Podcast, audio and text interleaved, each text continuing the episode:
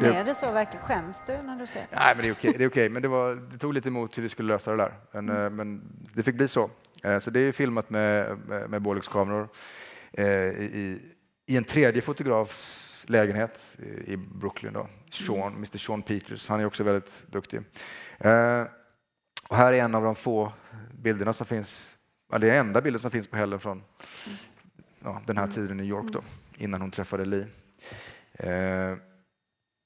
Men om man tänker på den här lång, långa tiden då i klipprummet och jag gissar att det har varit pauser där när det har legat kanske och sen har du gått tillbaka och klippt och så. Men hur har du jobbat fram den här balansen då i de här olika uttrycksmedlen som du har? Och fanns det en annan balans i en tidigare version när det var en helt annan typ av film? Och hur har det gått till? Jo, men jag hade lärt mig så pass mycket på min första film eh, att, att man var ganska säker på eh, att planera de här sakerna. Men, men det som tar tid är ju att få tag på materialet.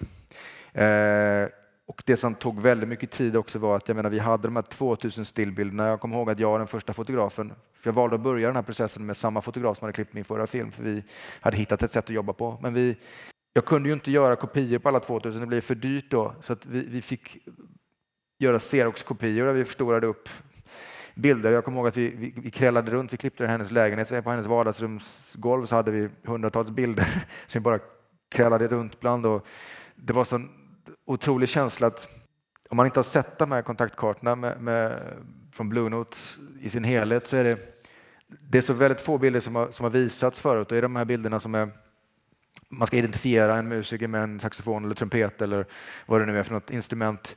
Eh, men i de här bilderna så fanns det så mycket liv och så många scener eh, som vi försökte behålla i filmen där det bara var till musik där man kan se hur, hur Li var som en liten komiker som fick alla att skratta hela tiden. Man försökte ha med de här oerhörda glädjen som fanns, som han spred omkring sig.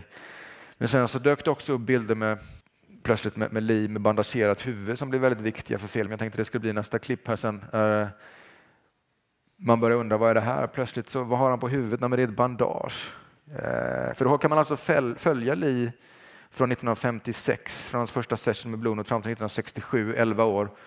Och då passerar man den här riktiga dippen i hans liv där han är på, på väg att dö liksom, eh, i stillbilder. Han fortsätter ändå att spela in skivor eh, för att han måste få in cash. Liksom.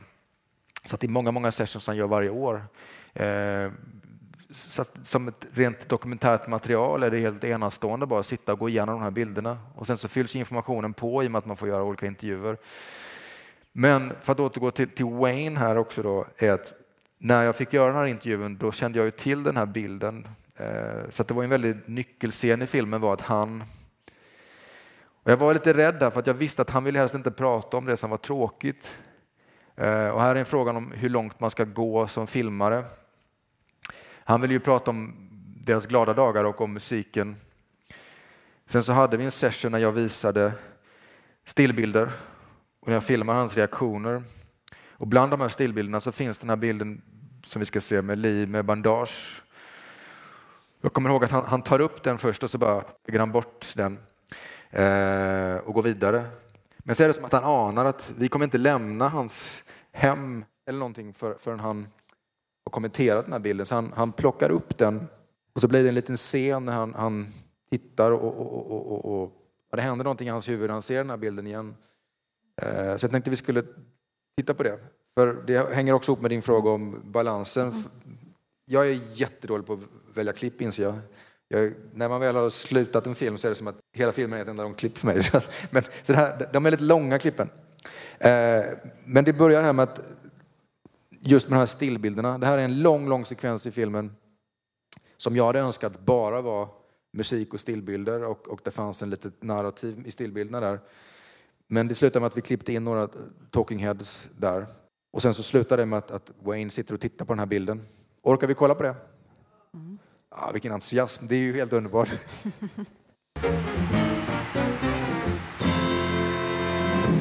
As advertised, we're going to be um, introducing in just a moment one of the uh, top jazz groups in the world uh, on the Blue Note uh, label. These fellas have been playing together since 1955. And uh, now, as I say, one of the top jazz groups in the whole world. They play all around the world, too. Uh, here we go.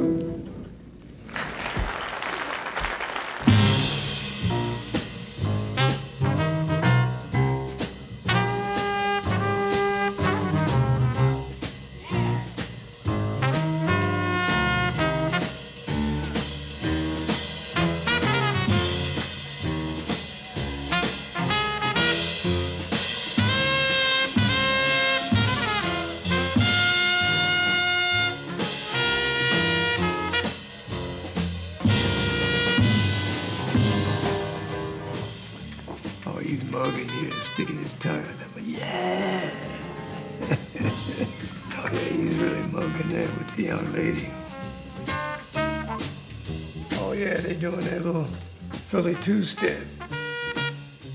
That's what it was all about, staying neat, get a haircut, show up on the scene. That was the whole thing. We to impress a young lady, you know. You come in like, talking about what it is.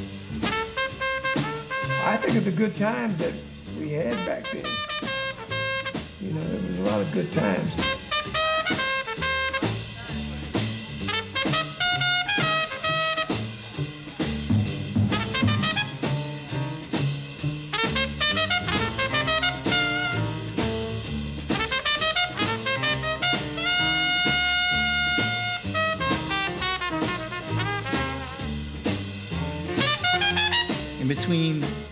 Break. We play and we have a break, and I'd go right to the bar and get like a cognac, a double cognac, sometimes a triple, and uh, then we would eat. We all had a plan. We'd eat so we could like uh, uh, stay sober enough, uh, you know. But I was, I, I thought I was out of the army. I'm still 26 years old, 27. Um, we, we in alcohol, you sweat it out, and you you're never going to be staggering or swaying on the bandstand. You don't stagger. It's not cool to stagger. You're supposed to be strong. I would drink and have like a thin veil around me.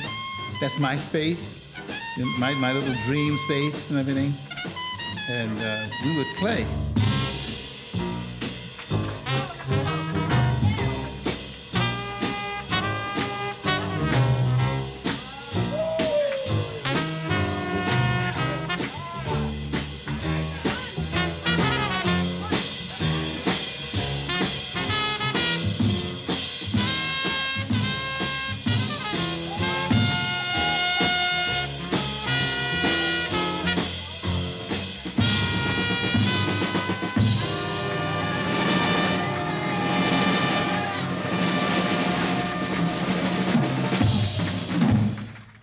I'm looking at the back of his head.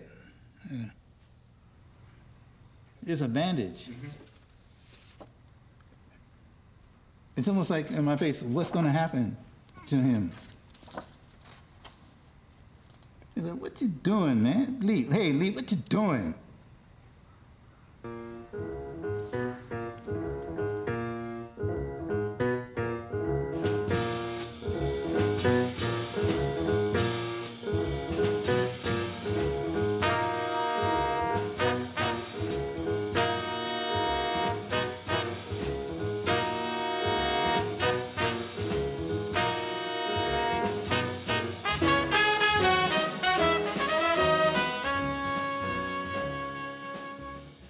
Was with him in, in Chicago. Alltså jag visste ju det och jag förstod det väldigt tidigt när jag gjorde den här filmen hur... Alltså, jag vet inte hur många här som har haft en, en, någon nära som har gått ner sig i missbruk, men det är ju... Det var väldigt sorgligt i början när man började träffa folk för att väldigt många av dem mindes bara det allra mest sorgliga. Jag menar heroinister, det är ju så här att du... Det enda du tänker på är din nästa fix liksom och du vill ha pengar. Och, så att de, de glada minnena bleknar liksom lite grann för att det blir så jävla tungt. Eh, så det var eh, eh, en liten kamp att komma ner till, till att göra den här första delen glad innan vi kommer till bandagebilden, för där vänder filmen. Och, och att göra det på ett sätt så att filmen inte blir för, för baktung. För jag tycker det är väldigt tråkigt med drog, alltså om det får ta, ta över. För det här är ju en fantastisk musiker och Helen var fantastisk här också. Att det får vara den underbara tiden det var då innan det blev mörkt. Eh, och då fick det bli det här med, med bandaget som blev vändpunkten. Man undrar lite, man vet inte som publik riktigt vad som har hänt. Och så glider man in i, i, i och förstår, det kommer fler historier om det här bandaget, vad som har hänt, att han har, han har trillat, fått en överdos och trillat mot ett element och bränt svålen helt enkelt. Eh, eh, så han var på väg och dör dö där då, i en överdos med huvudet mot ett element. Då. Eh, och därifrån så kom man inte så mycket längre neråt. Liksom. Men han förlorade egentligen allt därefter och fick inga gigs längre. och Så, där. så kommer Helen in och plockar upp honom och där börjar filmen med deras gemensamma historia. Då. Eh, så, så, det är väl lite inne på jag menar, hur man ska balansera hela den här filmen. Och det är väldigt många ställningstaganden i klippningen, hur man ska få det här historien att funka och också berätta den på ett, på ett intressant sätt. Och jag vägrar använda berättarröst till exempel. Då. Utan och du har också det, jobbat med olika klippare?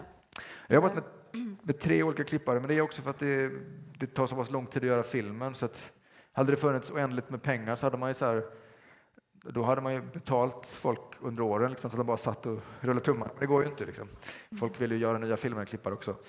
Så att jag jobbade med Eva Hillström först. Uh, tyvärr så blev hon, hon fick cancer helt enkelt, men hon är bra nu. Så det, det är fantastiskt. Men då gick jag över till Hanna Leijonqvist och vi satte ihop filmen som den ser ut idag egentligen. Sen så på slutet var det en fantastisk klippare som heter Dino Jonssäter inne och putsade filmen. För det är väldigt mycket putsning som har gjorts. Mm. Man har kammat den gång efter gång på slutet att det ska funka hela vägen. Då.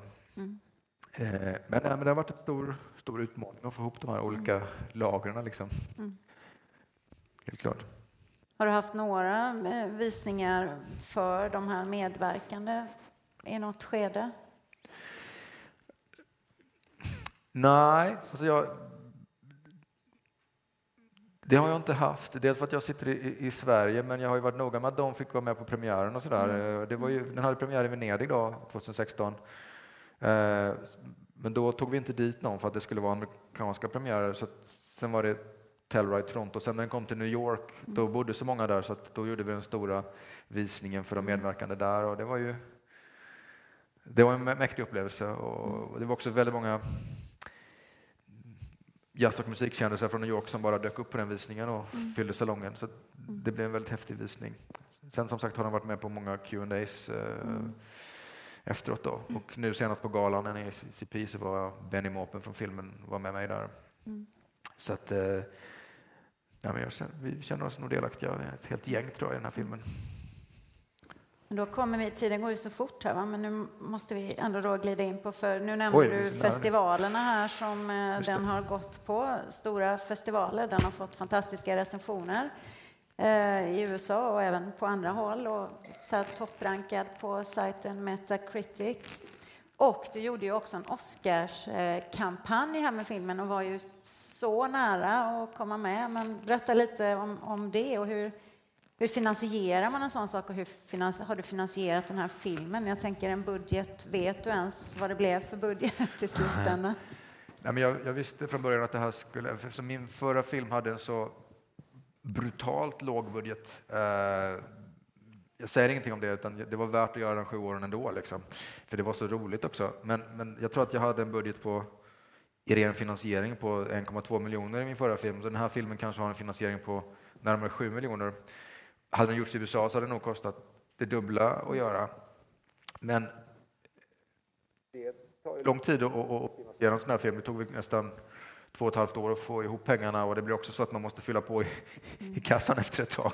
Eh, sommaren 2016 så var det några dagar före midsommar när jag fick ett otroligt roligt besked att filmen då var antagen till Venedig. Eh, och inom fyra dagar där så var det inte bara Venedig utan det var Venedig, det var Telluride som det heter och, och, Toronto och New York. Så det var fyra av de största höstpremiärfestivalerna. Sen så tillkom London strax efter och, och alla de här festivalerna sker inom fem veckor på, i början på hösten. Och filmen var inte riktigt färdig, så det var lite pressat där.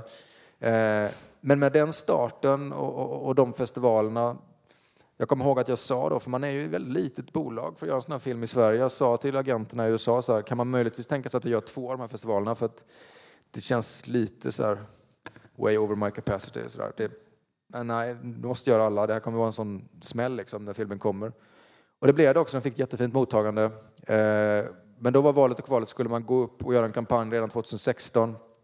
Men det roliga som hände då var att vi sålde filmen till Netflix. Väldigt glad för. Eh, och då är det Netflix överallt utom i Sverige. Precis, och de tog den i Toronto. Men det som hände, det var en av de första filmerna faktiskt som de i ett så tidigt stadium för det är det man är rädd för, är att en Netflix-deal blockerar då biografexploateringsmöjligheterna. Men vi fick fyra månaders biofönster. Men det innebär att alla de här biopremiärerna i Sverige, Kanada, USA, England etc. De måste synkroniseras. För att börja den någonstans så börjar de här månaderna ticka. Då. Eh, och då blev det för tajt att hinna få upp filmen på bio så att man skulle kunna få, för det måste gå en vecka i LA och New York för att den ska kunna vara Oscars möjligt att gå upp för Oscar för att ska vara kvalificerad. Då. Så då blev det så att den här biopremiär i slutet av mars i USA och i Sverige. I USA är det helt okej okay att ha en biopremiär i slutet av mars men i Sverige är det väldigt dåligt så det blev inte jättebra på bio i Sverige. Det är liksom för sent på våren då. Men det var den, det priset man fick betala. Liksom. Sen så jobbar vi vidare mot att försöka få den så uppmärksammad som möjligt. Och sen så kom den på Netflix i slutet av juli. Och sen började vi en kampanj i, i september i USA. Då. Och sen var jag över en månad i oktober, november och gjorde mitt bästa. Mm. Eh, men då ska man veta att eh, de filmerna som har vunnit och också blivit nominerade de senaste åren, de har ju haft eh, kampanjbudgetar som ligger i, i snitt med vad det kostar att göra den här filmen. Då. Och det hade vi ju inte. Tyvärr är det så att eh, Filminstitutet går inte in med några pengar då, vilket de gör på Best Foreign Language som The Square och så. Då. Men de hade gjort det om vi hade, hade lyckats bli nominerade. Då. Så, men, men i och med att det hade gått så bra med filmerna och blivit så bra recenserade och haft alla de här fina festivalerna så så det, det är inte bara mitt beslut att göra Oscarskampanj utan det är ju distributörer och, och, andra. Men sen är det ju, det är klart man gör det liksom. Mm. Jag hade också då, som jag sa med min förra film, så var det för sent. Så mm. det är klart vi körde. Mm. Uh, och filmen var ju tippad att komma vidare men den, man ska också veta att det är, det är så otroligt många bra filmer som, uh, som missar. Mm. och som sen senare ses som klassiker liksom. Uh, som Herzogs Grizzly Man liksom blir aldrig shortlistad ens. Och Hope Dreams och Steve mm. James. Och det, det, är så många filmer som aldrig har kommit vidare. Mm. Men det var en otroligt intressant eh, upplevelse att vara där och jobba för det. Mm. Samtidigt så är det, jag menar, det blir en väldigt bra promotning av, av, det, av dig själv liksom, som du gör inför ett kommande projekt ja, till exempel. Det, det blir ju, gjort nu. Mm. Ja, men det blir ju het då liksom att få göra en del intervjuer som du inte lyckades när det var bioreleasen. Och det är inte så att du bara kastar bort tid liksom, utan det, mm. det är ju... Men om sju år då så kanske du har gjort nästa ja, vi, vi, vi får se ja. vad som händer. Men, men eh, jag tänker då, du är både producent och regissör och man kompletterar ju eh, ofta varandra då. Här ska du liksom komplettera dig själv då på något sätt. Och du nämnde innan när det här man väntar ut musiken, då vinner regissören för att du väntar gärna och du väntar ett år på någon intervju. Och, men vinner alltid regissören? Vinner producenten någon gång? Alltså det är ju styrkan och svagheten då att, att ha en liten organisation eh, som jag har haft. Jag menar, hade jag, jag har sagt det tidigare, hade jag haft en producent så hade vi behövt ha en betydligt större budget för att båda skulle kunna jobba med det här så länge. Eh, och det är också svårt om man har en producent på ett större bolag eh, att de ska vara redo när man behöver att de ska vara redo. Då. Ofta så är de upptagna med kanske någon stor spelfilm eller någonting mm. just när jag ska åka och göra den här intervjun med Wayne eller sådär. Så Nej, men det blir ju så då att i de här situationerna när det handlar om Ska vi ta ett beslut? Ska vi skita i det här arkivmaterialet, fantastiska materialet? Jag hinner inte berätta om det, men det tillkommer också material som Lis egen röst sent i mm. filmen etc. som vi bestämmer oss för att använda. Hade jag haft en biffig producent så hade de sagt no way, liksom. filmen är nästan färdig nu, liksom. mm. får inte lägga till någonting. Då, då vinner nog min egen passion för projektet. Uh, och jag fortsätter då ett eller två år till med det för att se till att det blir den filmen som jag önskar att det ska bli. Eh, men det är ett sätt att leva också. Jag menar, du jobbar inte med det varje dag. Då, får du lägga det lite på vänt och man får samla krafter igen innan man tar nästa krafttag för att gå vidare med filmen. Och då gäller det att man har med sig folk som, som Emily som, som fattar att, att ibland får det ta tid. Inte alltid, men ibland. Liksom. Jag hoppas att hon tycker att det var värt också. Hon är ju här i alla fall. Komma till, fick ju följa med till Venedig till och med. Det var otroligt. Eh, jag, jag skulle lägga till där om den producentdelen att, att det som blev bökigt för mig däremot med att ha en liten organisation Det var ju just den sista sommaren där, alltså 2016, när man fick besked att, att det är inte bara att filmen ska visas på de här fem stora festivalerna inom fem veckor. Det ska också levereras massa grejer till, till hade det bara varit Venedig så hade det inte varit några problem för mig. Men när det var alla de här stora fem festivalerna, eh, där hade jag behövt få in folk, fler folk. Men det var mitt semester, det var svårt att få, få upp eh, energin där. Eh, så där var det en, en otroligt mäckig period att få allting att funka. Och där var det också lite tragiskt att, eh, att Filminstitutet tog ett väldigt underligt beslut att, att de skickade inte ner någon till, till Venedig till exempel med den här filmen utan det var allt, allt krut lades på Sameblod som var nere en vecka efter. Då. Så där, blev jag lite, där var man lite trött då, där man mm. behövt, man behövt. folk hade gått in och trott på det här lika mycket som jag gjorde då. Men nu ska det också bli en, en spelfilm av den här, där du är inblandad. Så är det. Och eh, det är som det är med såna här saker. Det är otroligt roligt. Det är väldigt duktiga producenter eh, som jag har stort förtroende för, för det de har gjort tidigare. De har väldigt bra rykte i USA och i Hollywood. Och sen så är det en, eh, en stor finansiär som kommer in nu då. Eh, så att det ser väldigt lovande ut, det hela. Men, men fortfarande är det ett läge där jag inte får säga allt för mycket. De är väldigt noga med, med det då. Och får inte nämna för många namn, men vi sitter just nu och väljer. Jag kommer inte regissera den här filmen själv, utan jag kommer vara med som exekutiv producent. För att jag tycker att det här med historia är någonting levande och det är viktigt att, att den här historien tolkas av någon annan. Jag tycker det skulle vara konstigt om jag skulle göra det igen. Jag känner mig också personligen väldigt färdig med det. Eh, men det är kul att vara där och se och lära lite. Så nu sitter vi i ett läge där vi håller på och väljer regissör och, och skådespelare och det är ju väldigt stora namn som är på tapeten. Då. Spännande. Ja, det är roligt. Inget annat nytt sjuårsprojekt? I... ja, det var lite som, jag är lite blygsam att berätta om mina projekt i början och av flera anledningar. Men jag kan ju säga att jag jobbar ofta med, man jobbar med flera projekt. Och så får man se vilket som tar fart liksom. Och var hjärtat landar till slut och vilket som mm. liksom fastnar eh, i mig. Då. Så, så, jag vågar inte berätta om det. Det handlar också lite om rättighetsfrågor och sånt som måste falla på plats. Mm. Eh, oj, nu kanske jag sa för mycket. Nu tänker ni att det är en sån arkivfilm igen. Liksom. Men... Nej, nej, vi tänker ingenting. Ja, det är bra.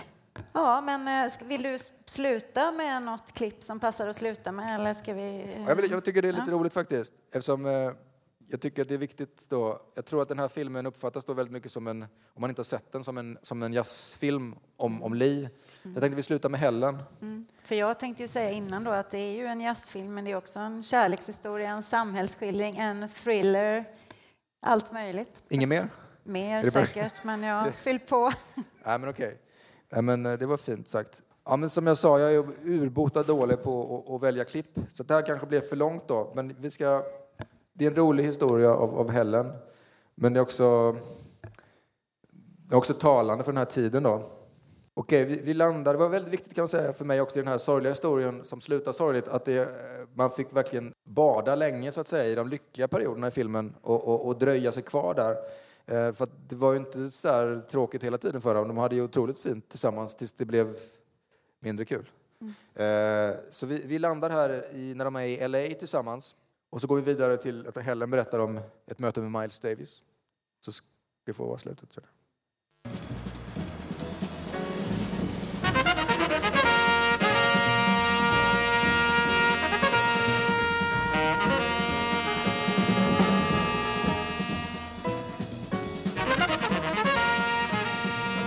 right now it's just me and my wife, so uh, a lot of times, uh, I would say at least half of the time, I'll take her with me, you know. And she serves as wife, cook, uh, secretary, mm. everything else, you know, besides a nice vacation for her, you yeah. know, as well. I could understand Helen's position. I mean, she wanted to be in that world and he was the key. And uh, traveling up on down the West Coast and rubbing elbows with the in crowd. She uh, always did all the arrangements for the traveling, and you'd see this big hat coming the door, and you knew no, it was Howard. That was a good part of his life, I'm sure. I mean, they really they, they cared about each other. They loved each other. I would see them sometimes and we'd walking, holding hands, you know, laughing about something, you know. Lee was always making her laugh. And I think that's, that's one thing she liked a lot, you know.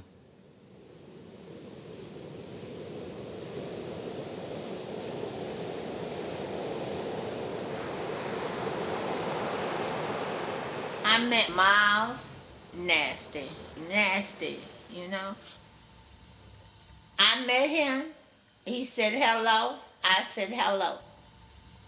He said, then who are you supposed to be? I said, I am not supposed to be. I am Helen Morgan.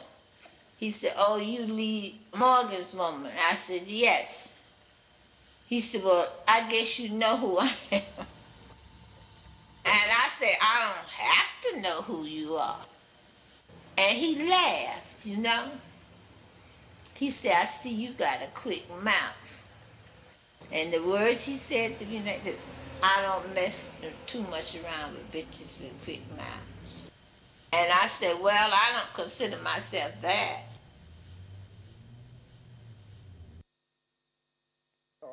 Ja.